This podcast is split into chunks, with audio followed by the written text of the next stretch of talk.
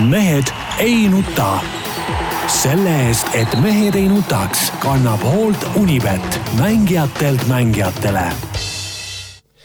Tere kõigile, kes meid vaatavad ja kuulavad, ei nuta taas kord eetris, Tarmo Paju Delfist, tervist! Peep Pahv Delfist ja Eesti Päevalehest, tervist! Jaan Martinson Delfist, Eesti Päeva, Päevalehest ja igalt poolt mujalt ja nüüd siis ka lõpuks Eestis kodus tagasi. otselennukid peaaegu nii peaaegu öelda., no nii öelda, aga siinkohal südamlikud ja veel kord südamlikud tervitused valges kitlis Neidisele, kes eile öö, lennujaamas minult seda ninasurkimist öö, korraldas.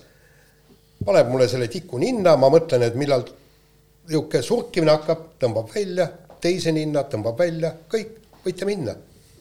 mida pekki? kas tõesti nii lihtsalt ja nii no eelmine kord sa käisid, siis polnud nii lihtne või? ei, seal oli ikka sisse ja no, no esimesed korrad oli vapšeesi, ikka uuristati ajuni välja, aga eile oli tõesti, sa ei saanudki aru üldse, et, et sul seda proovi tehti, ühesõnaga kogenud luuraja tegi öö, andestamatu vea, ma oleks pidanud tegelikult uurima välja, kes ta on, mis ta nimi on ja kuskohast ta neid proove võtab. Ja mina hakkaksingi tema juures kogu aeg mm, seal proovi jaa, no nagu armunud oleks natukene, kõlab siin natukene. kas proua Martinson praegu ka kuulab seda saadet? ei, küsimus pole mitte armumises, see on Ivo Linna laulus oli, et äh, armus sellest sõesse ära, mina armusin sellesse testi võtmisse ära. Ei, ma ei tea, siin kõlas ikka kuidagi juba tahtis üles otsida seda neiut ja kahetses, et telefoninumbrit ei sa ei tea, võtnud. kuidas telefoninumbrit küsitakse või? noh, ei no kuule, oska mul on, ütleme niimoodi, et Roosti läinud ikka täitsa. no kuule. Ei no minu arust sa saad sinna järjekorda minna täiesti rahulikult, siis kui lennujaamas kogu see eh, koroona testimise pull püsti pandi esimestel päevadel, ma mäletan, siis oligi probleem, et mingid inimesed, kes tegelikult ei tulnud lennuki pealt, läksid ka sinna kuidagimoodi lootuses, et nad saavad seal äh, proovi anda või mingi teema oli. see oli juba kuid-kuid tagasi. mitte pardakaarti näidata. ma ei tea, ühesõnaga vist, vist ei olnud, ei ma olen lennujaamas testinud, aga ma ei mäleta. vist ei olnud ja seal oli, seal oli algusperioodil oli mingi selline teema oli üleval, nii et sa võid rahulikult eh, pärast saadet minna sinna järjekorda tagasi ja ei, aga praegu tundubki, et, et minu iga päev, iga päev käia seal äh, proovi andmas. kaks korda isegi võiks. no noh, nii tihti, kui seda valges kitlis näitsikut sa näha tahad, annad proovi ära, lähed järjekorra lõppu tagasi. et filmi nagu, et filmi uuendada uuesti enda nagu silme ees onju. ei, tore on näha tegelikult, et, et hea Jaan kolleeg, on ikkagi terve mees ja tahab seda kõike saada. et hea kolleeg on ikkagi nagu ellu ärganud täiesti. nii, no üldse on hea meel, et ta ikka tagasi jõudis sealt. ei no, aga mis ta poleks pidanud jõudma või? No jumal teab ei no talle, talle sellised, ma kujutan ette, Monte Carlo on selline koht, kus noh, kus need tuled võivad Jaani-suguse ikkagi ära meelitada, et, et jääkski sinna oma pensionipõlve veetma, kõik see Kristiina Seda- raamatu honorarid ja kõik Ei, on kindlasti küll, ta- andnud piisavalt, piisavalt nii-öelda materjali kuule ikkagi seda. nuttu ja hala, kuidas ta pidi kell kuus olema hotellis, no seda ta välja kannataks seal kogu aeg. ei, aga tegelikult ma, ma, ma ütlen ausalt, jubedalt andis, pani südame kripeldama just see, kui ma tulin sealt kapist, sõitsin nagu ikka mäge, mägedest alla. Ja kui sa vaatad, siis tõesti need, see Prantsuse noh, väikelinnad ja, ja siis need nii-öelda maakohad, talukohad, kus seal on viinavar ja istandused, muide, ju põllutööd juba käisid, peenraid tehti, juba oras tärkas seal all, kümme kraadi oli sooja, nii et, et, et tõesti, see, see loodus oli jube ilus, kõik, kõik need mäed, värgid, kõik seal ta, taustal kumavad, mõtlesin, et pagan, no tõesti, vot see on koht, kus, kus tahaks nagu pensioni veeta, kusjuures hea toit ka, kui koroonat ei ole, et aga, aga, aga siin ma pidin kõik see nädal aega saia sööma niimoodi, et, et põhimõtteliselt ma kujutan ette. see on näha ka siin, ja absoluutselt. ütleme, punduvast kõhust seal äh, pall, palloni seest. jah, ja, ja siis. palloni või? ja siis siis kuule, püüa nagu noh, mingit nooruslikkust nagu säilitada, mitte päris nagu üle, ülemöödunud sajandi mingeid väljendeid siia tuua. džemper ütlen selle kohta. ei, see on ikka, ei, pallon oli kõrge. pallon oli krae, aga džemper oli ilma krae. see on pusa ei, see pusa, see kindlasti ei ole, pusa ei saa olla villane, pusa saab olla siukest dressipluusi riidest. ja see on siis džemper. siis on džemper ikkagi jah, jah. no see on ka parem kui pallon. Pallon. Oli kõva. nii, aga no, mõned tervituse raundid äkki, no esiteks miks mitte, kui poliitikarindele minna, Timo Suslovile, legendaarsele Kohtunikule., legendaarsele kohtunikule, kelle puhul ilmselt tuleb tõdeda, et eh, ega endiselt ma arvan, pole Eestis inimest peale nende eh, lähisugulaste, Endi, kes neid vahest teeb. kes vahet teeb Tanelil ja Timol, et vabalt võib saata Taneli ka mõnel päeval Riigikokku edaspidi. Ja ei, selles mingit vahet muidugi ei ole, et, et äh, ma olen elus näinud küll päris palju ja minul küll mingit vahet ei ole no Peep, sul peaks olema eriti hea meel, et ikkagi nagu põline Keila mees, Keila äh, kogukonna juhtimisega olnud seotud korvpalliinimene. ei no korvpalli ja no Nüüd on Riigikogus. abilinnapea koha pealt läheb minema, ma ei tea, mis tont siin asemel võib tulla, ega kunagi ei või teada, loodame, et on mingi normaalne vend, tead noh. et aga ei no ta lubas, et ta jääb nagu piirkonna asja edasi ajama, et, et ega siin hoiame, ütleme nii, et hoiame silma peal. rahavood hakkavad äh, Keila poole. jah, jah, et noh, see Keila nüüd on nagu selge, et see meistriga meeskond eh, saab paari aastaga nagu teoks, sest et sest et küll, küll Suslov oskab seda rahakraani siit suunata, ütleme Keila peale.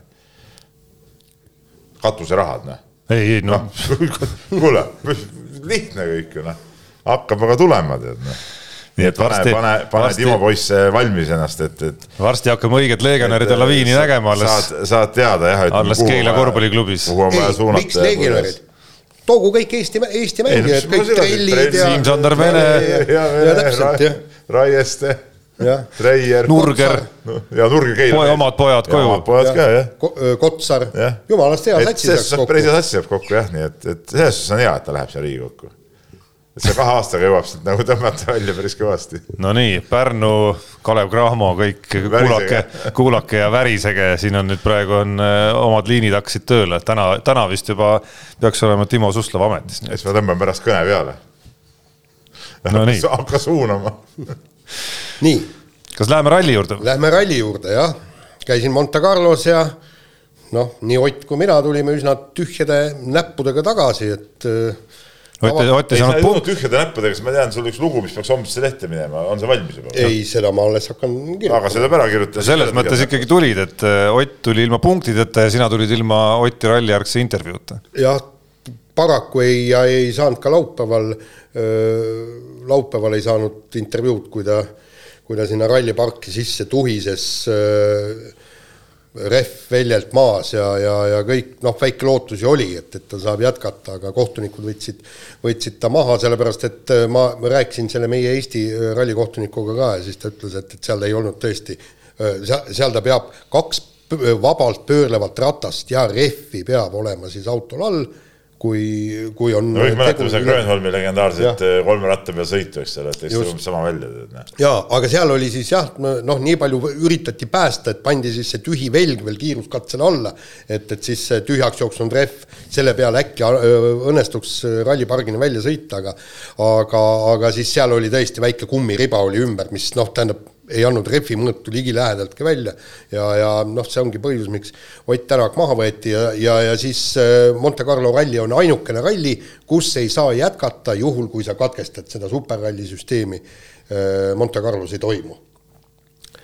paraku viimasele päevale no minnes. ma, ma korraks äh, äkki haaran selles ralli teemas äh, ohjad, olles nüüd nagu äh, meie mehe koha peal, ehk siis antud juhul Jaani toonud sisse meie kuuenda käigu podcast idesse ralli ajal ja, ja hoides siis äh, meievahelist ralli juttu tavapärase esmaspäevase stuudio asemel siia, siis, siis äh, selle, selle rehvi teema juures see targutamine, et kaks rehvi või üks rehv kaasa, see tundub nagu tagantjärele kuidagi mõttetu. miks tagantjärele mõttetu? või See oli- neid ühe rehviga mine et-, ei, aga neid ühe rehviga minejaid oli ju veel, ta ei olnud ainus. aga Toyota mehed ütlesid, et kõik eh, olid kahe varurehviga, et seda me Jaaniga kohe või- tegime telefonikõnesid ja arutasime ja, ja ma ütlesin Jaanile, et seda tuleb igal juhul küsida ja uurida, et miks, miks selline otsus, et, et ei no seal olid selge see, et seal olid omad, omad selged plussid, miks minna ühe varurehviga aga, aga olid ka selged miinused, noh, nagu näha, see miinus seekord nagu lõi välja, oleks läinud teistpidi, noh, oleks kõik korras olnud, eks jaa, aga, aga seal korras ei oleks midagi, ta oleks pa- paar-kolm punkti saanud no abiks ikka. abiks ikkagi ja siis oleks saanud punktikatsele minna. punktikatsepunktid sealt oleks aga, aga no oleks saanud või kümme pundi võinud välja joonistada endale, tead noh. no mine sa tea, aga, aga tegelikult on just see, et, et no kui, kui loogiline nüüd see on, et sa, sa, sa lähed nüüd sõitma siis seda nii-öelda kahte kiiruskatset, pärast seda tuled ralliparki ja et mõlemal kiiruskatsel rehvid lähevad. aga miks, miks äh, Toyota mehed võtsid kaks tükki kaasa? no seal oli, seal oli öö, üks põhjus sest oli äh, Ožeer oli korra ka läinud rehvi juba katki, ta teadis, et võib minna. jaa, ei seda küll jah, aga, aga Ott Tänaku puhul oli no vähemalt millega põhjendas äh, Andrea Adamo ehk siis äh, Hyundai boss seda, et, et äh, noh, tema põhjendas küll kaude seda, et, et mikspärast äh, võeti üks rehv, sellepärast et kuidagigi moodi äh, Toyotale vastu saada ja mis on kõige see oli vaja rünnata, noh. oli vaja rünnata, sest vahe oli ju kakskümmend viis sekundit ja, ja. liidriga ja, ja mingi, mis oli seitseteist sekundit teise kohaga.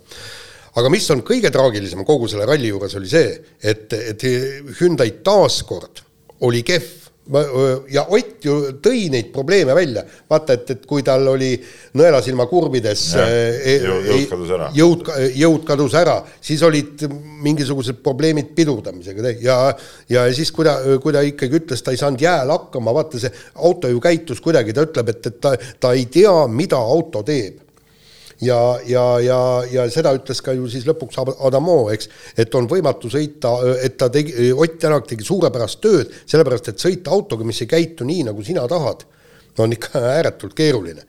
ja vot see on nüüd siis see jällegi küsimus, kuivõrd võimalik on tal üldse tänavu Toyotadele vastu saada. oota, aga enne kui selle punktini jõuda, korraks sinna rehvide juurde naastes, et et noh, jälle tagantjärele targana võib-olla, võib-olla oligi see hetk, kus oleks pidanud siis nii-öelda mitte punnima ja, ja tagantjärele tulemusi vaadates kuues mees oli seitse minutit kaotus, et seal oleks jõudnud rehve vahetada mitu korda katsetel.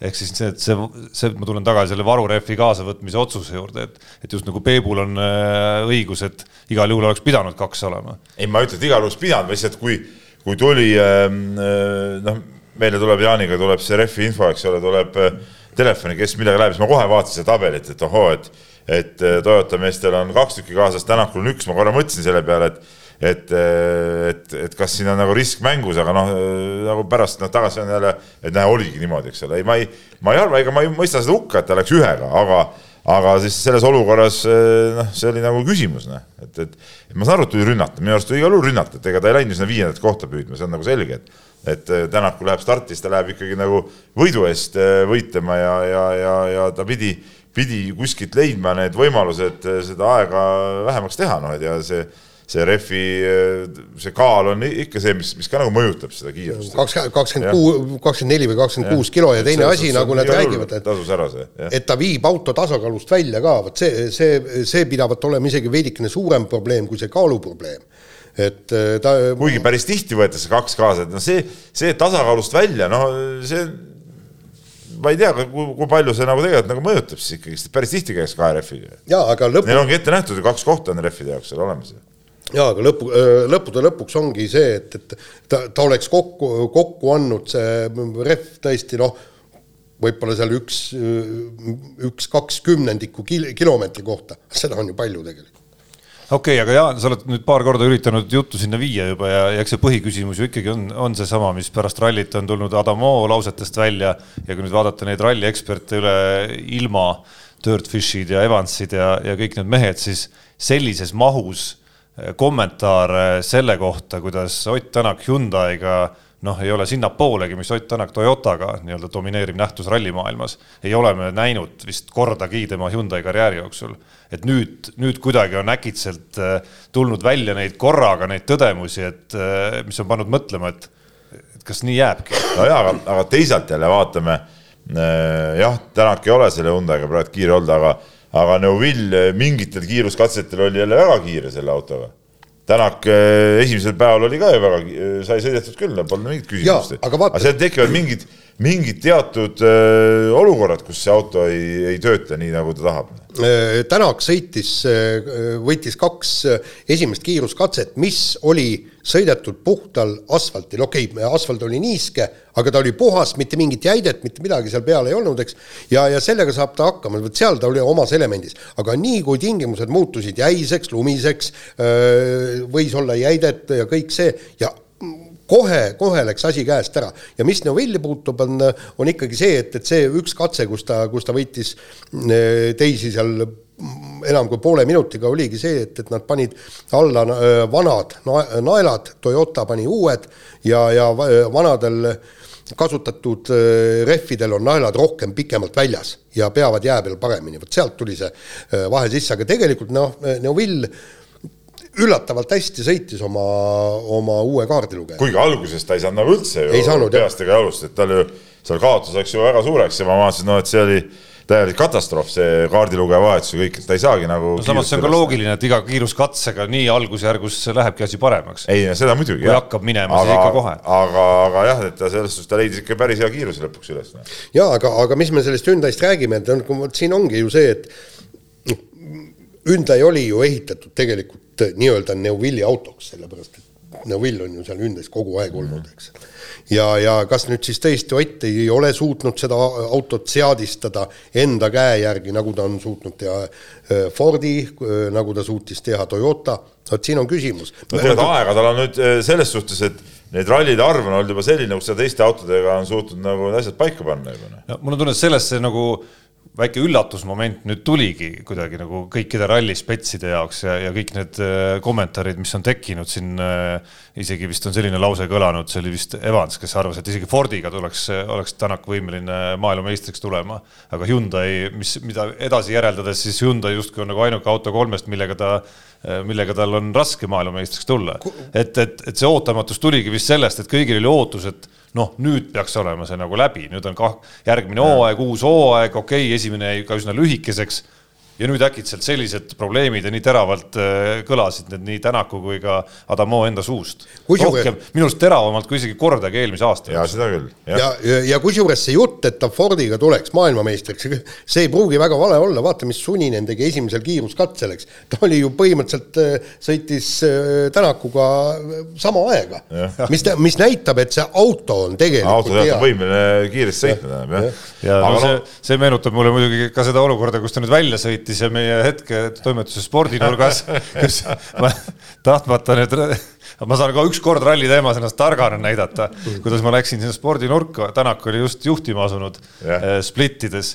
Ja siis kuskilt, kas Peep või Gunnar Leheste kõrvalt ütles, et, et ei, ärge siin hõisake midagi, et Suninen on liidriks läinud, mispeale ma ütlesin, et midagi sellist et no, et see, see väga kaua ei kesta seal ja siis läks umbes kolm sekundit sellest hetkest, kui ma nägin Gunnar Leheste ekraanil seda rullivat autot, aga okei. Okay.. aga, aga no ja nüüd on nagu tegelikult, kui nüüd rääkida Hyundai'st edasi, siis ähm, tuleb ju kohe see taliralli, eks ole, jälle spetsiifiline ralli, et nüüd on väga oluline küsimus, et kuidas nad selleks ajaks saavad selle auto nagu paremaks nagu Tänak jaoks, kuigi eelmine aasta Rootsis Tänak oli ju teine, eks ole, et sai, sai sõidetud küll, kuigi okei, seal olid jälle ekstra tingimused, seal oli kruusas ja, ja mudas ja imeasjades sõitsid. et nüüd ongi nagu väga oluline, et, et seekord taliralli tuleb ikka tõeline taliralli külmas ja, ja, ja lumes, et, et kuidas nüüd seal see Hyundai korda saadakse, kuigi näiteks see Hyundai Neuvilgi on võitnud ju Rootsi talveralli siin paar aastat tagasi et noh, tegelikult see peaks olema võimeline sõitma seal nendes, nendes tingimustes. just, aga me vaatame jällegi minevikku, vaatame seda, mis praegu on, meie ju ei tea, kui paremaks on Toyota saanud ja, ja to-, Toyota on teinud väga kõva tööd ja teine suur miinus, Toyota on juba sellel samal talirallil sõitnud. ja nende rehvidega sõitnud. see on väga oluline detail. et nüüd ongi väga oluline, et, et Hyundai saaks ka mingil talirallil sõita see on nagu oluline. aga kas nad seda teevad, kuidas neil on, ma, ma, ma täitsa imestasin, et nad, nad ei läinud sinna Arctic. ja ei, see oli, see oli imelik jah, sest okei okay,, Fordist ma saan aru, eks neil pole nagu vahendeid, et sinna minna, aga, aga Hyundai oleks Arctic Rallile pidanud igal juhul kellegi välja saatma no,. kuigi nad käisid Hyundai oli väljas ju oma R5 autodega, no see on ikka midagi muud natuke. jaa, aga sul on Craig Priin olemas, eks, pane ta, istud ta autosse ja las ta proovib. no varem on nagu just Hyundai näidanud teed teistele, mismoodi ja. käia ja leida neid võimalusi, eelmisel aastal olid ju ilmekad näited. ja päris palju sõitsid neid ja on varemgi sõitnud päris palju neid rallisid. ja Toyota ei ole väga sellesse panustanud, kas see on Latviale uus käekiri võib-olla? no võib-olla küll, jah. ja ütleme niimoodi, et, et noh, tegelikult on finantsprobleemid on ka üks, üks põhjus, sest tegelikult noh, ütleme niimoodi, et äh, mulle tundub, et Toyota panustab praegu oma rallimeeskonda oluliselt rohkem kui Hyundai. Ja, ja see jutt äh, tuli seal ka jutuks. Ja Jari-Mati Latvalaga ja ta tunnistas seda jah, et, äh, et kolmest tiimist üks praegu uut autot ette valmistab, Ford valmistab, Toyota valmistab, Hyundai ei valmista ja, ja, ja Latvala ütles, et ta, ta loodab väga ja nad teevad tiimi, tiimibossidega koostööd ja ta ütles, et, et nad väga loodavad, et need kolm jätkavad järgmisel aastal selle hübriidautodega mm. -hmm. ja kusjuures no, muidu vajub täitsa ära, aga kui Hyundai näeb, et neil lähebki nii kehvasti, siis nad võivadki huvi täielikult kaotada selles ajas. just täpselt. see on ka, see on ka suur probleem. aga mis mul, mille üle mul väga hea meel oli muidugi Monte Carlos oli see, et et küll see Jaan siin oli et nagu, et ah, mis Latvala siin tiimijuht ja keerab kohe nässu kõiki. Perfecto. ei olnud perfecto, ei, ei olnud või? mis viga oli siis? no ise ta ütles, nurises. ei no pole ei. aga mis viga oli? oled sa näinud mõnda võitva meeskonna treenerit, ükskõik mis alal, kes tuleb ja räägib, kui hästi kõik ainult oli? ei, Latvala ütles otse, eesmärki täitmata ja tõi täpselt ära, mis oli kaks tuhat kaks, kui öö, võitis Citroen kolmikvõidu Monte Carlo. aga see näitabki Latvala kõvadust tegelikult. see näitab muidugi ja väga hästi sai hakkama seal. jaa, noh. saab näha ei, hakkama sai tõesti, tõesti sai hästi, aga, aga ta noh, ta, ta, ta rääkis mulle ka. tema on mixed zone'is, annab intervjuusid ja näitab näpuga, kes mida peaks tegema ja ütles, ma, ma suurt vastutust endale ei võta, mul on neli meest, kes vastutavad detailide eest. Ei no ongi Spo, noh, spordidirektor on, Kai Lindström on üks põhivendi, kes ütleme. ja ei, tema on no, spordidirektor no, ja tema, vot tema asi on öelda Osiele, et, et nüüd teed nii ja Evansile, et nüüd teed naa. No.. et, et see on väga puh-, tal on peamehaanik, kes, kes otsustab, neil, neil on seal kõik spetsialistid olemas ja, ja Latval on ainult see, kes noogutab ja kinnitab selle otsuse. Ja, ja see oli nüüd see, mida Mäginenil ei olnud. Ja, ja ka Latvala ütles, et, et Mäginen läks liiga, liiga detailidesse igale poole, ta tahtis olla samaaegselt peainsener, spordidirektor, tiimijuht, ta tahtis olla kõike selle võime vist lõplikult lukku lüüa selleks hooajaks, et me räägime kahest konkurentsivõimelisest tiimist ja kahe tiimi sõitjatest, et. et Fordist siin nagu võib-olla suninen üksikutel rallidel, aga. suninen ikkagi kui talle antakse võimalus ikka veel selle autoga sõita, siis, äh, siis äh, ma arvan, teatud rallile ta kindlasti on võimeline ja, ja miks ka mitte, see ei võiks olla just nüüd kohe see Soome ralli, kus ta võiks olla ka konkurentsis. just, aga, aga kas talle antakse sõita, see on teine küsimus. kellele nad annavad siis? no selle Kriismitiga ei ole üldse mõtet ju midagi tegeleda ju see on sama nagu paned Martinsoni või Greensmiti, seal mingit vahet ei ole ju. ei no põhimõtteliselt no, küll. täiesti jah. mõttetu, minu arust täiesti mõttetu on sõidutada Eh, Greensmiti, seda Katsutat, siis seda äh, prantslast selle Hyundai'ga. Äh, täielikud kaerajaanid, unusta ära, Jaan. ei kuule, kuule see... kümneid paremaid sõitjaid on äh, on, võta sealt WRC kaks auto pealt ja pane rooli, mis nalja teed. kuule, see prantslane, prantslane. ära hakka ajama. ei, ta, ta oli ju, ta oli ju Mikkelsenist oli ju äh, ainult kaks minutit R5-ga aeglasem ja ta ju jäi ei, aga ta oli ju, kuule, R5-ga ta oli ju kohe selle Greensmiti taga no jah, nii et, et põhimõtteliselt ta sõidab R5-ga sama kiirelt kui Greensmit äh, WRC-ga, aga aga Mihkel, sa R5-ga kiiremini kui need tonnid oma WRC-dega no,, mis sa nalja teed või noh. ei no mis ma, ma ei tee nalja, aga nemad maksavad no, raha. no jaa, aga ma räägingi, et no see ongi nagu tsirkus, et, et noh, täiesti mõttetu on üldse rääkida nendest vendadest ja, ja, ja ma põhimõtteliselt ühtegi sõna nendest meestest ei kavatsegi rääkida rohkem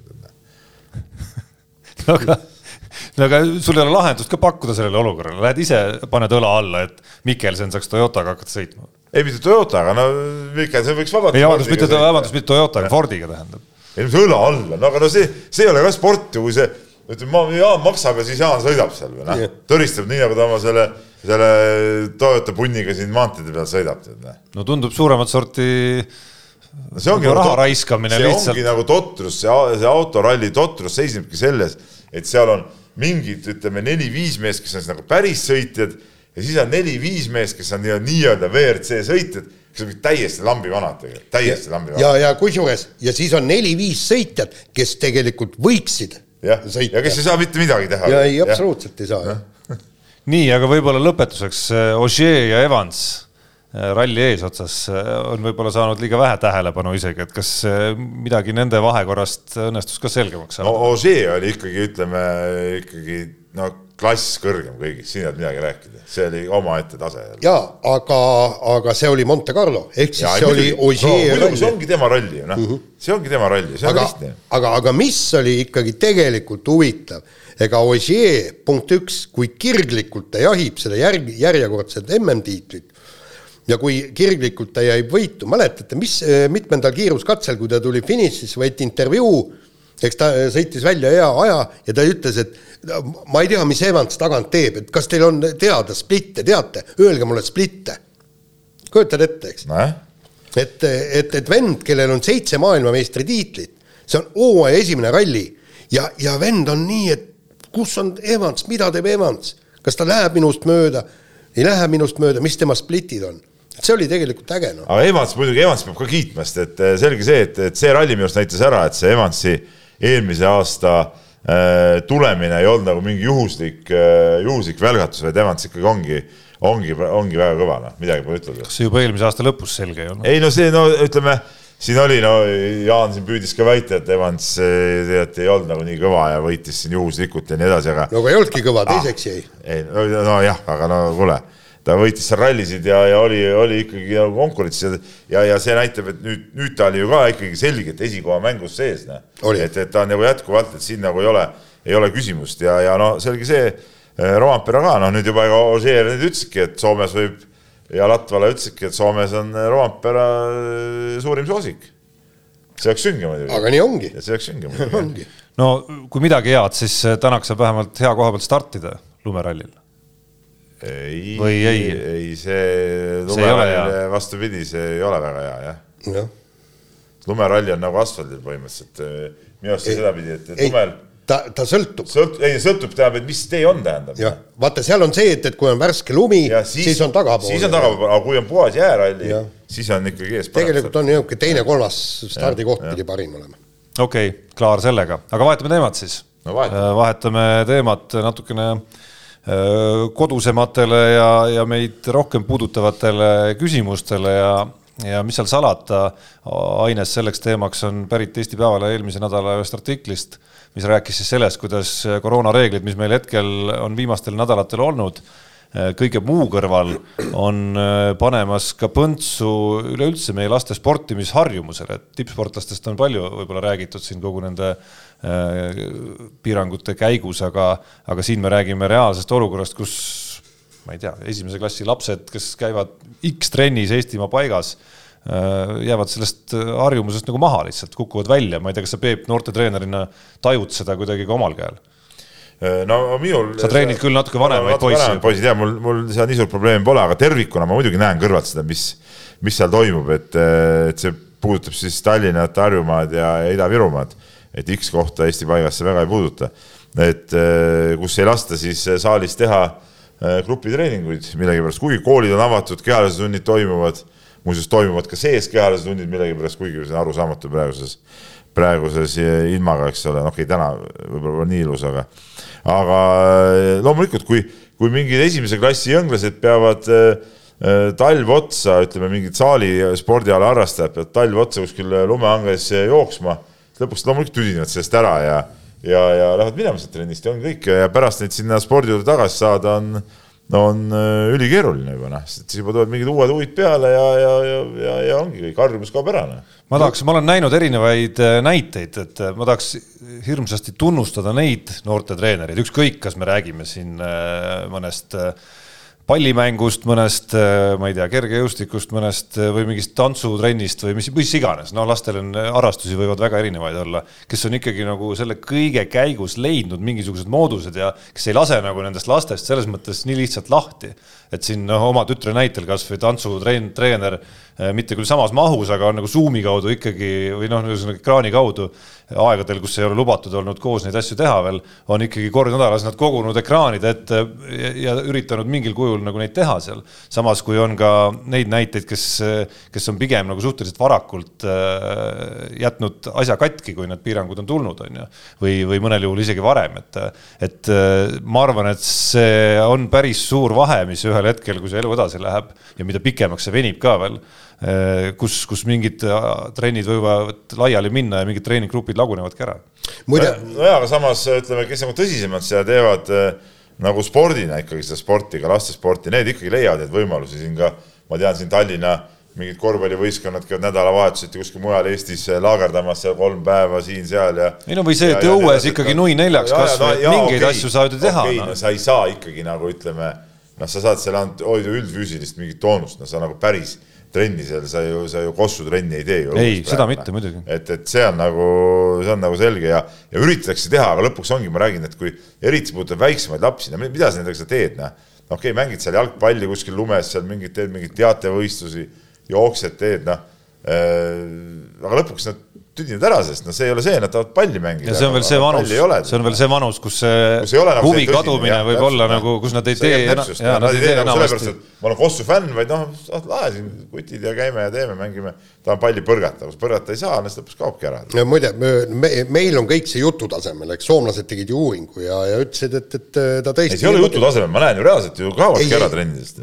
veel kord, soomlased tegid ka uuringu ja, ja vaatasid, kui palju ja ütlesid, et, et põhimõtteliselt teatud piirkondades ja teatud spordialadel kuni kakskümmend viis protsenti lastest tõesti jätab need äh, trennid pooleli ja kusjuures äh, küsimus ei ole isegi võib-olla selle esimene, teine klass, sellepärast et noh, nemad on niisugused entusiastlikud. Neid saab käsutada veel. Neid saab veel käsutada, aga jutt käib just nüüd see teismelise iga kaksteist, kolmteist, neliteist ja, ja põhjus on see, et trenn ei ole, vedeleb seal, mängib oma arvutimänge, vaatab pagan, see on ju palju mugavam, miks ma peaksin minema sinna välja külma, higi valama, kõik niimoodi ja, ja, ja neil hakkavadki teised ja, ja siis hakkabki, näed, ma saan arvutimänguga ka võistelda. no see on see vanus, kus ma nagu Just. kõrvalt vaadates ise olen näinud, kuidas hakkabki tekkima, et on osad, kes siis leiavad sellise sisemise motivatsiooni ja arusaamise, et nad tahavad sellega tegeleda, tahavad tõsiselt tegeleda, tahavad võib-olla rohkemgi trenni teha, kui siin enamikes Eesti noortegruppides üldse saab teha.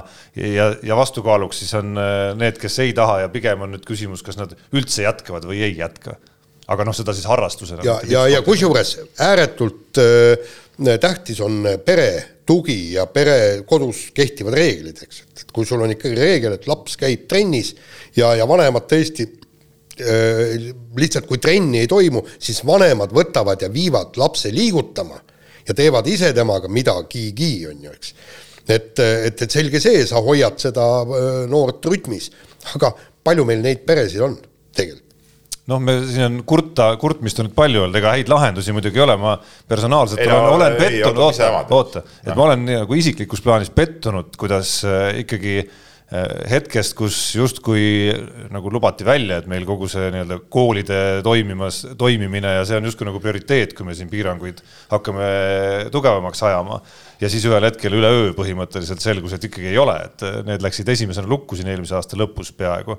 et ma olen nagu selles mõttes pettunud, aga samas ma ei kadesta neid, kes peavad kuidagi laveerima siin nende piirangute vahel, et mida teha ja mida mitte.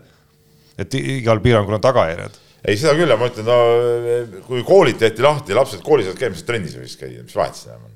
Noh, trennis jälle toimub mingi nii-öelda suurem segunemine veel, on ju, et muidu on üks klass koos, siis tekivad erinevad klassid. üks klass no. koos, ega nad siis vahetunni ajal siis äh, oma klassiruumis ei istu. ei no see, see ei, no, on fakt üks... on see, et neid kontakte tekib juurde, on ju, noh, see, see, see, on ju fakt.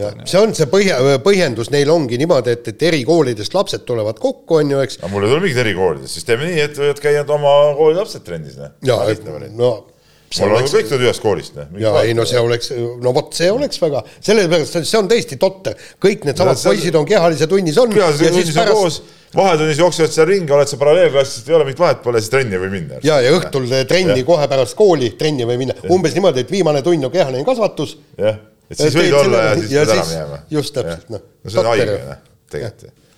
nii, aga siin keegi, kes on pannud selle tunniplaani meil siin kokku või, või, või teemad on kirjutatud siia, et see Eesti korvpalli suurepärane nädalavahetus. no oli ju. siin on küll nagu mindud täitsa, täitsa nagu äärmustesse. Äh, Kalev Cramo sai VTB liigas võidu, Henri Trell säras teist mängu järjest Itaalia liigas. Maik Kotsar taaskord Saksamaal, pildis ka Kaspar Treier, isegi Sander Raieste, noh.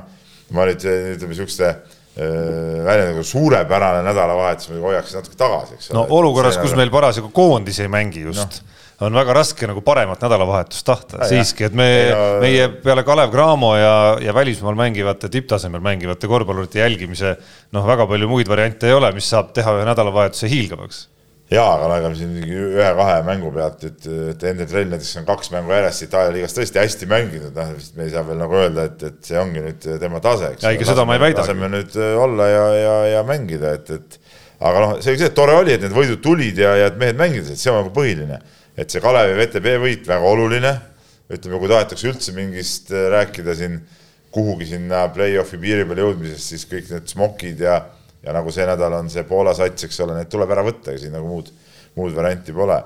et, et äh, see võit tuli kätte saada, saadi kätte ka, sama asi, kõik need äh, trellid, noh, Otsar on kogu aeg hästi mänginud.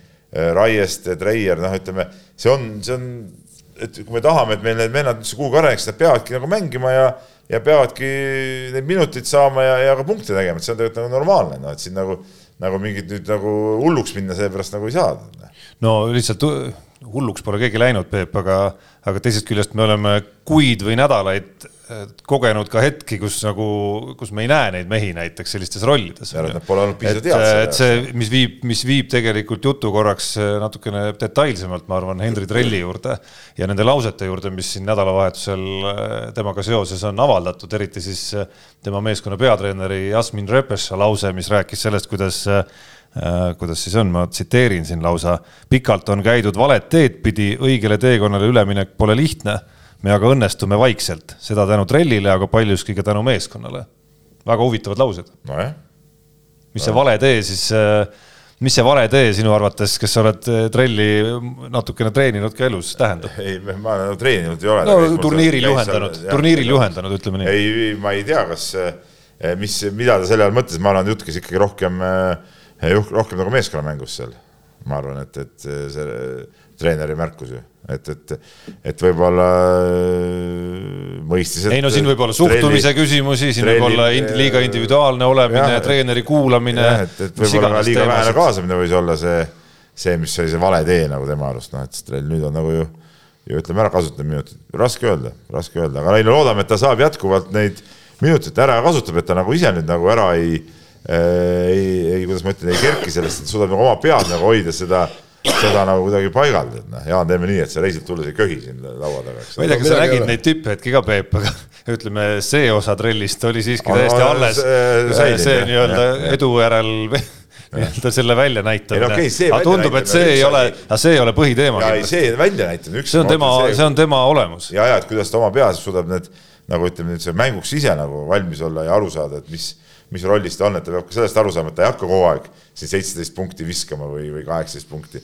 et, et tulevad ka mängud, kus ta viskab äh, kaks, kolm, neli punkti võib-olla, et seal on vaja mingi meeskonna heaks mingit tööd teha ja nii edasi, et noh, nende asjadest tuleb nagu aru saada ja, ja, ja nende, nende enda jaoks nagu selgeks teha, et selles suhtes näiteks mulle tundub, et Kaspar Treier on väga hästi oma rolli sisse elanud, eks ole, et käib seal oma kümmekond minutit per mäng, on pidevalt rotatsioonis, noh, punkte ei tee, siin viimane mäng vist olidki kolm lauda, kolm söötu, mis tal seal olid, eks ole, noh, väga head asjad, no ega sa ei peagi neid punkte tegema, kui sulle antakse kindel roll, teed oma asjad ära seal, noh, selle kaudu sa nagu tõusedki kogu aeg paremaks. no, no Trell on ise rääkinud. pigem on see Raieste platsile saamine niisugune nagu juhuslik. no see oli juhuslik, selles mõttes meeskond oli suures kaotusseisus ka, et, et mis ma tahtsin öelda, et äh, Trell on ise ju rääkinud, vist oli Kalev Kruusile, kuidas ta Saksamaal äh, Andrea Trincheriga läks nugade peale äh, sel moel, et nii-öelda ütleme pärast pärast esimest eksimust, see oli mingisugune, mingisugune üliriskantne sööt või mingi, mingi sihuke teema oli seal, tegi sama asja mõned minutid hiljem uuesti ja, ja noh, sellega, sellega sa noh, ilmselgelt noor mängijana langed päris pikaks ajaks musta nimekirja, vähemalt sellistes suurtes kohtades ja selliste treenerite juures.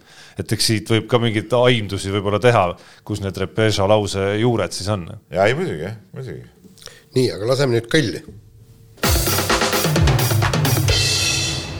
prooviks kiire vahemänguga tõesti kiirelt hakkama saada, päris häid kirju on teil. kirju on päris palju jah, ühe me vastasime küll juba ära seal ralli, ralli teemas.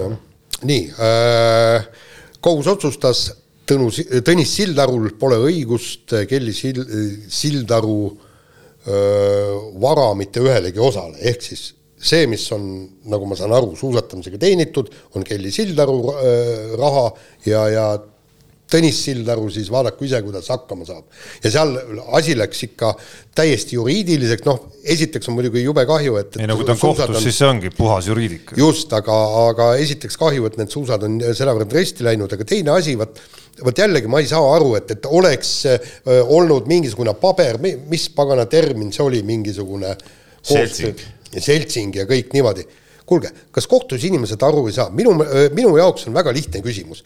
kui poleks olnud Tõnis Sildarut, kas Kelly Sildaru oleks teeninud selle raha?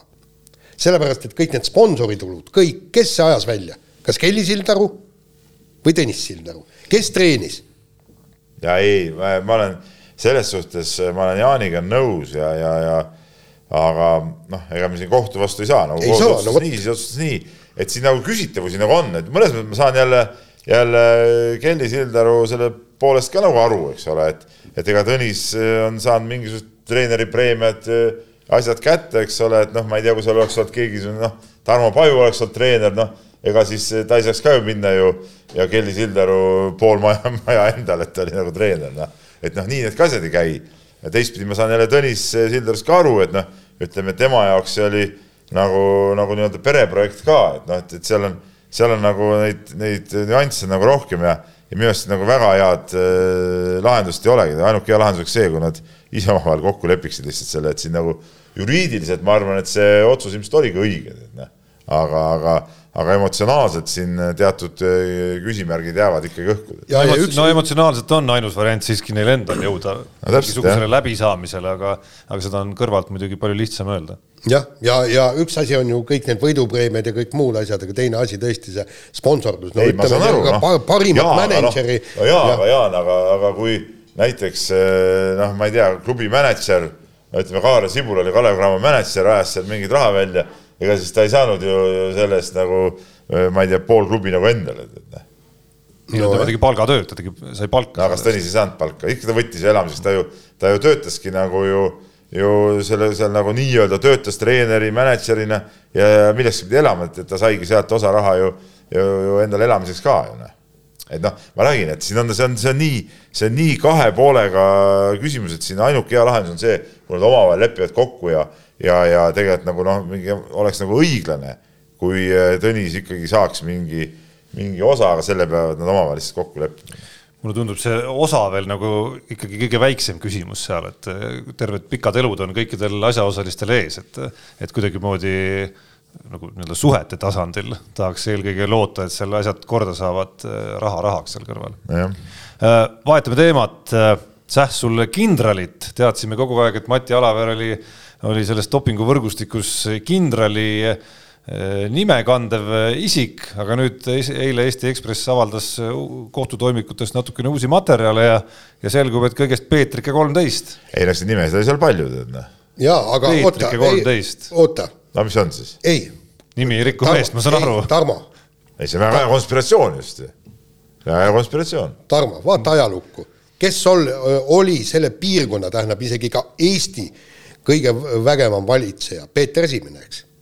Ja nüüd siis ta on kolmteist korda parem kui Peeter Esimene, aga miks ta Peetrik on, sest Peeter Esimene oli kaks meetrit pikk, noh, Alaver päris nii pikk ei ole, ongi Peetrike ja kolmteist, muidu oleks Peeter kolmteist olnud jaa, see on selline nagu lihtsalt, kuna tegemist on, on intelligentidega, ütleme Just. niimoodi, noh siis ütleme. Mati Alaver kahtlemata ka on. jaa, siis noh, ütleme minusugune ja ilmselt ka Peebusugune, no ei, lihtsalt ei hoomagi. mina, mina nägin siin nagu, nagu erakordselt head konspiratsiooni nagu, et, et, et nagu ikka võetakse sihuke, näidata ennast nagu väiksemana ja, ja, ja, ja mitte nagu nii tähtsal kohal olevana. no huvitav, et kolmteist ikkagi siis kohe pandi sinna nagu äh, kuradi tosinana kirja ka, et sinna ju natukene pandi nagu sisse juba väikene nagu oht.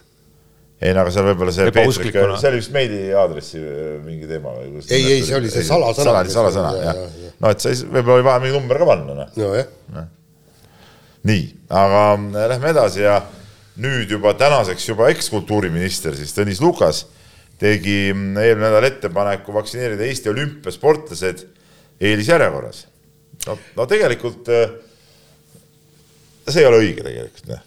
et noh, et, et äh, olles küll ülisuur spordifänn ja, ja, ja nii edasi, et noh, et tegelikult peame ju aru saama, et on ju palju olulisemaid Äh, valdkondi, mida on tarvis enne vaktsineerida kui sportlased. ja Peep, ma, ma olen. ma ei oleks sinu suust uskunudki, et sa ei. tuled selle versiooniga välja. ei, äh, vaata, see, siin ongi see, see tüüpiline, eks, et, et sul on õigus, sul on õigus ja teil mõlemal ei, on õigus. mul, Jaan, mul, Jaan, on alati õigus. nii, õigus et neid ei saaks nagu ilma järjekorrata vaktsineerida, muide selle ütlesid ju välja, äh, ma vist kuhugi kirjutasin ka, kui, kui Soome sportlased ütlesid, et äh, ja Soome spordiminister ütles, et see on välistatud.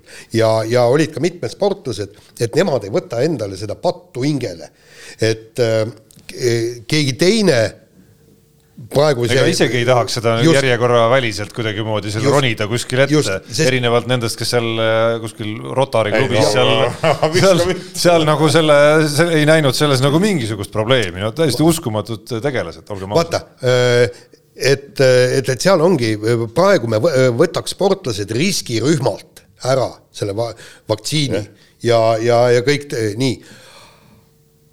ja aga teisalt jälle kui palju ikkagi Eestile jällegi tähendab see, see sport ja Eesti sportlaste edu? aga kas tähendab või? no ma arvan, ma arvan see küll. tähendus on kahjuks nii, nii kurb, kui seda ei ole tõde, ma olen selle peale mõelnud päris palju. see tähendus on muutunud ikkagi nagu võrreldes, ma ei tea, mingisuguse kahekümne aasta taguse ajaga ikka, ikka olematuks tegelikult. jaa, no kas olematuks, aga, aga üsnagi, sest mäletad ikkagi, no tähendab, ütleme nüüd niimoodi, et huvitav, mida ütleks, kui me saaksime teha rahvaküsitluse, mida rahvas ütleks? See... ütleme, ütleme siis, kui olid veel kaheksakümnendate lõpp, kui need Salumäe ja Tiit Sokk tulid äh, kuldmedalitega siis sinna äh, sa näed ju, Jaan, et see ei ole enam see maailm. jah, ja, ja, ja ütleme niimoodi, et, et kui oleks tol ajal küsitud, kas me peaksime Erika Salumäele ja Tiit Sokule andma vaktsiini, rahvas, absoluutselt. Ja, ja, ja oleks ka need riskirühma liikmed ole olnud nõus seda andma, aga vaata praegu ma arvan, et, et tõesti asjad, asjad on no praegu, kui ma mõtlen, see on sportlase enda asi, et ma arvan, enam paljud sportlased ei ole nõus sellega esiteks juba ise nendel samadel kaalutlustel, noh eriti kui me oleme sellises olukorras, kus ma ei tea, olümpiani on jäänud kaks või kolm kuud ja endiselt me näeme, et noh, maailmas on karjuv vajadus ja defitsiit veel selle järele, et saaksime kõik need riskantsemad äh, inimgrupid ära vaktsineerida. mis aitavad, mis aitavad meil, mis aitavad meil elu nagu paremini lahti teha, kasvõi, kasvõi needsamad äh, lastegrupid käima panna. ei, no see on nüüd, nüüd, nüüd sa läksid minu mõttes täitsa rappa. kui oleks selge, et näiteks Jaan, Tarmo, Rubinniku mees on kindlad olümpiale sõitjad ja olümpia toimub ja siis on ikka veel niisugune, et noh, et tegelikult nad saaksid alles kunagi hiljem. et kui see on olümpiale tingimus, loomulikult süst sisse ja olümpiale, mingid küsimused, mingid lastetreenerid jõuavad, võivad oodata ka ja õues teha maskidega trenni. et siis küll, aga praeguses olukorras ei ole seal nagu mingit pointi, nagu praegult on kümme tähtsamat asja, kuna praegu ei ole kindel, kas olümpias toimubki. No ka see ja. siis sõltub, mina siis, väidan sellest, et ei. mis seisus on see nii-öelda nagu riskantsemate gruppide vaktsineerimine. olümpiale minekus, siis ei ole mingit vaidlemiskohta, loomulikult kohe kõige ette lennata. kuidas nii? loomulikult noh olümpiale on vaja minna siis. aga nüüd siis aga olümpia on nii tähtis. aga praegu olümpia on kõige tähtsam. ei, aga oletame, et kaks kuud läheb mööda. praegult ei ole see praegu. ei, aga oletame, et kaks kuud läheb mööda ja endiselt on totaalne kriis, vaktsiinikogused viibivad äh,. kõik on oma tempost on, maas. kui, äh, kui kogu maailm otsustab, et nii olümpia toimub ja olümpiale saabki niimoodi ainult siis, äh, siis kõik liigitavad niimoodi. mis me jätame selle olümpiadelegatsiooni saatmata või? ei, Peep. ma arvan, pigem jääb olümpia ära lihtsalt. sellega ma olen tõesti. et ma arvan, et siin ei ole ühte Eesti oaasi, kes, äh, kes kuidagimoodi otsustab teistmoodi kui teised. ma, ma arvan, et äh, küll see rahvusvaheline olümpiakomitee selle vaktsiini leiab, et me ei pea Eesti omadest. no ka võimalik jah. seda võtma, aga, aga no ma ütlen. praegu ma ei näe seda küll nagu. no lõpuks võetakse kõik millegi arvelt, nagu me aga, näeme, et aga... iga kord, kui tuleb uudis sellest, et noh, näiteks Euroopa Liidu riikidesse mingi tarne jäi väiksemaks on see tagapõhi ju see, et kuskil on mingi riik, kes on maksnud rohkem mm. ja napsanud osa endale. aga mida Soome tervishoiuminister ütles, tema ütles kohe ei, mitte mingil juhul ja tead, mis tema põhjenduseks tõi? ütles, kui me anname sportlastele praegu äh, eesõiguse, tahavad kohe kõik teised ka, õpetajad, politseinikud ja tõesti noh. ongi tähtsamad. just ja, ja nad ütlesid, et, et sealt tuleb, me ei tee mitte kellelegi erandit, punkt. ei, ma ei pea muidugi silmas, et õpetajad ja politseinikud on tähtsamad sportlastest on ju on ju tähtsamad, loomulikult on, ühiskonna käigus hoidmise mõttes oluliselt tähtsamad. Õpetaja. õpetajad absoluutselt on.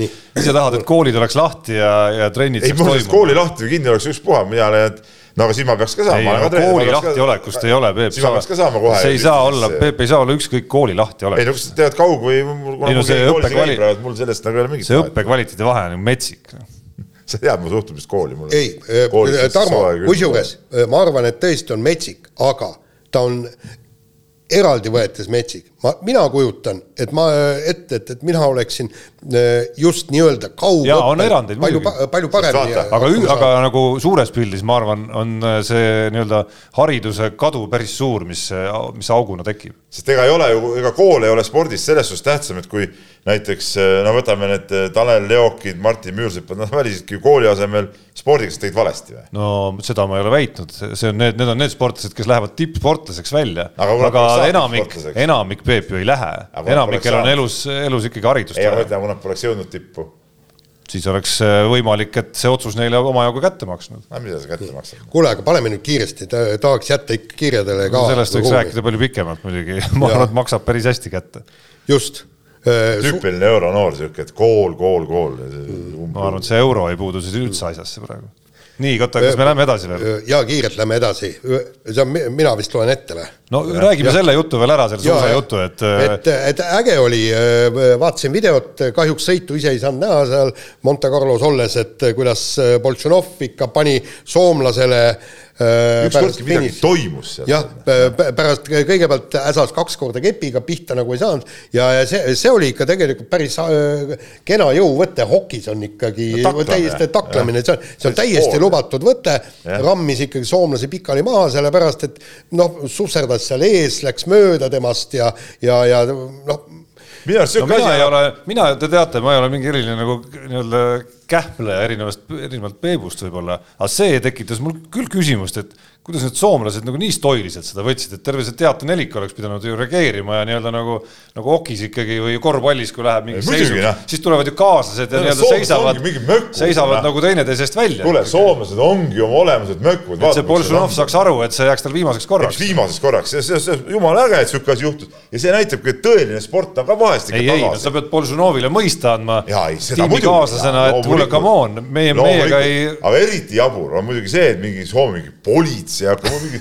spordivõistluse politsei hakkab Hakkab, jah. kriminaal, mingi lolliks olete läinud või? kuidas, see on, see on nagu öeldakse korvis mänguolukord, et No kurat, ma löön sulle hambad sisse, tead noh, mis on siis noh, mis on siis noh, kurat, ma löön sulle vastu, tead noh, pärast on läbi olukord, tahtu maha, no ongi korras, järgmine võistlus paneme veel edasi. Ei, no sa- see ongi niimoodi. ei, aga sa kujutad ette, eks aga mis, mis, mis politsei siia puutub? Ja ükskordki, muidu kõik on läinud siuke, jälle siuke europuhtus, kõik, kõik oleme sõbrad siin, suitsutame vaikselt oma raja peal, aitäh, et rada andsid, mis asja, kurat, kepiga vastu pead, kui ees olete, väga õige värk tead minu arust.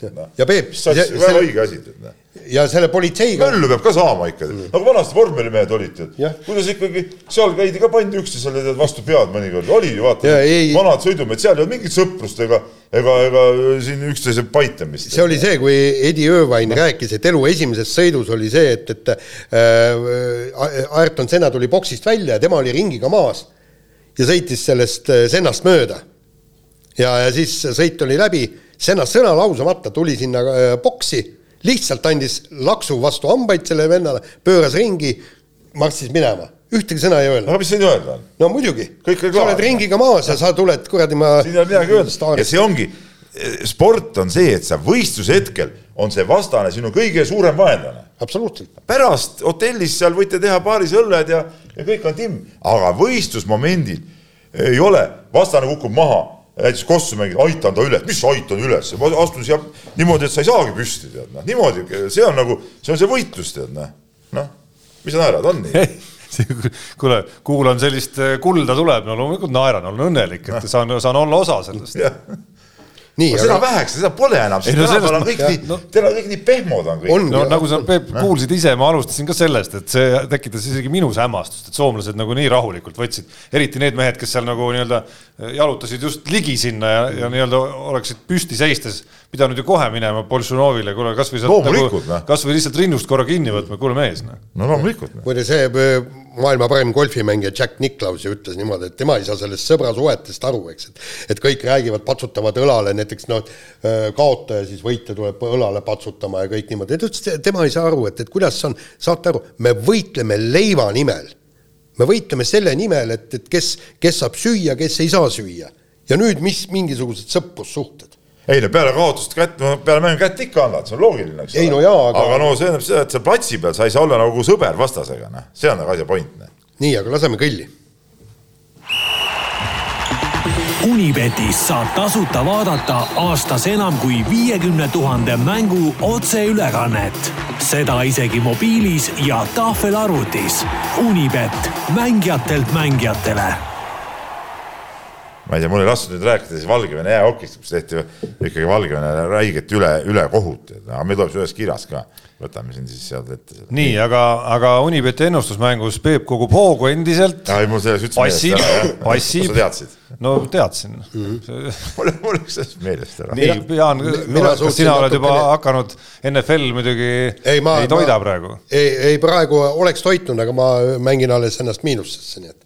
Aa, sa kõigepealt lähed miinusesse, tegid algust sellega, ma saan aru mis, NFL-iga või? ei no et, et saada, saada see summa balanssi. aa, ses mõttes, okei okay.. Äh, no ma kasvatasin umbes kümne euro võrra vist või midagi sellist, natukene korvpalli sinna sekka Euroliigast, kolmsada kakskümmend kuus eurot. võistlus on alles, see on nagu maratonis esimesed sajad meetrid alles. noh, küll mina tean, millal õige pauk välja lasta. Vana maratonimees. jah, ma olen teist kõigist rohkem maratoni distantsi läbinud, see on nagu selgemast selgem. nii, nii ja Unibeti eripanusena Kaunas ja Žalgirist ja homset Valencia mängu kahe koma kuuekümne viiega soovitame. ja, ja see Žalgirise see olümpiaakose mängu lõpp oli muidugi oli nagu ikka vägev, vägev, noh, see oli.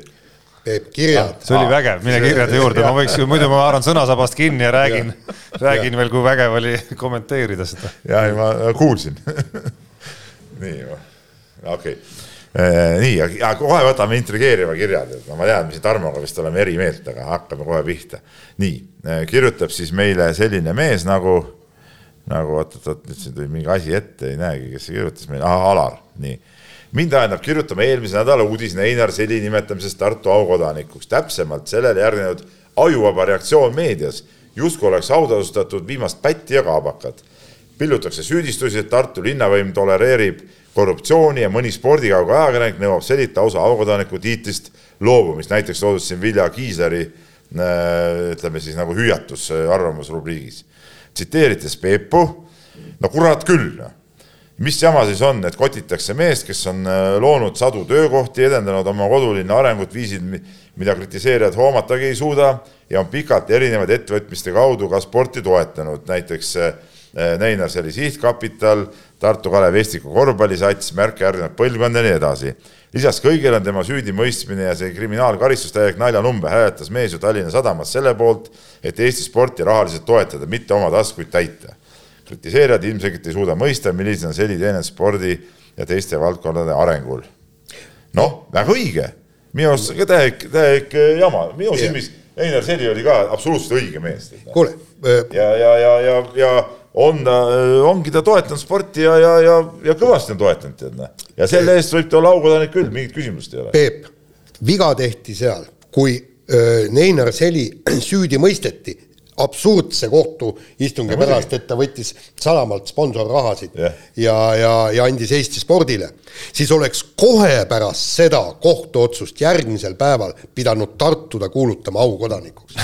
Näidates sellega välja see, selle üleüldise suhtumise, see oli absurdne kohtuotsus, see oli absurdne. täiesti absurdne, noh, sest et selge see, et ütleme, ta on spordile ülipalju andnud, siin ei ole mingit küsimust. ja oleks ta selle sadama raha tasku pistnud, hoopis teine asi aga ta võitleb Eesti spordi eest. Ja tema kui Eesti äh, Olümpiakomitee president oli kohustatud seda tegema, see oli tema tööülesanne. loomulikult, noh äh, ma, isegi mina pean tunnistama, et nagu nii-öelda selle otsuse pealt, selle kohtuotsuse pealt Äh, kuigi me võime minna selle otsuse analüüsimise juurde ka, nagu, nagu ma nagu ei suuda nagu väga suurt tõrget endas nagu näha, et, et peaks nagu väga palju lärmi selle, selle aukodaniku tiitli pärast, pärast lööma, et ma arvan, Neinar Seli muidugi on väga vastuoluline isik läbi aegade, et kindlasti on võimalik oluliselt pikemalt veel arutleda, kas ta peaks olema aukodanik või mitte. aga ainult selle otsuse pealt küll kuidagi ei tunne, et õiglustunne väga sügavalt oleks riivatud. no mina tean Einar Seli kui toredat meest igatahes, niimoodi. Eh, Mihkel Plaas, meie ka vana tuntud kirjasaatja, kirjutab meile ja, ja küsib sellist asja, et olen ammu täheldanud, et nendel rallidel, mis Tänaku jaoks varakult katkestamisega lõpevad, on ikkagi kuni ralli lõpuni spordiportaalides esimesed viis-kuus uudist ralli uudised. kas tõesti püsib ka sellisel juhtudel kõrgendatud lugeja huvi ralli uudiste vastu, näiteks minu enda jaoks on, ta kirjutas pühapäeval, seda on tänaseks palju olulisemad sündmused juba laskesuusatamine, eelmisel õhtul toimunud UFC ning ees ootavad FA Cup mängud. ometi peavad neid uudiste leidmiseks kõvasti portaale kerima. No on küll, on küll olulised, sest et olgem ausad, et ralli uudised ka pärast Tänaku katkestamist eh, kogusid ikkagi metsikud uudised küll, aga ma pean ütlema Mihklile, et et meil oli väga hästi kajastatud minu arust ka see UFC ja, ja laskesuusatamine igalt poolt olid otseblogid ja, ja analüüsid ja, ja ka neid loeti, aga nende loetavus äh, kindlasti ei küündinud äh, sellele tasemele, mis äh,, mis äh, oli see äh, rallil. Nii, ja kiiresti võtame siia lõppu veel, jõuame võtta kolmkümmend sekundit, et Valgevenelt võeti ära hoki MM-i korralduse õigus et äh, küsimus, kas Eesti Jäähoki Liit võiks enda, ennast kohe asendajaks pakkuda, et logistiliselt oleks see üsna loogiline variant, kuna teine korraldaja on Läti noh, minu arust see oleks ma ei tea, mis need majanduslikud klauslid seal muidugi on, et kes maksab ja mille eest ja kui, mis kulud ja nii edasi, et publikut ju ilmselt väga eh, sinna no, sisse tea, ei pääseks. see on alles mai lõpus, ma arvan, et siis on publik ka juba, siis on meil näpud püsti. ja, ja kusjuures meil on kaks, kaks halli olemas, on äh, Saku Suurhall ja, ja pluss. ei no ühest piisaks ju jah, ühest piisaks. ei no aga teine oleks võib-olla siis seal, ma ei tea, treeninghall. aga ei, loomulikult see võiks nii olla, aga kahjuks äh, vist Eesti ei ole selle peale mõelnud nii, aga sellega on saade läbi ja kuulake meid täpselt nädala pärast või millal tahate. mehed ei nuta. Saate tõi sinuni Unibet, mängijatelt mängijatele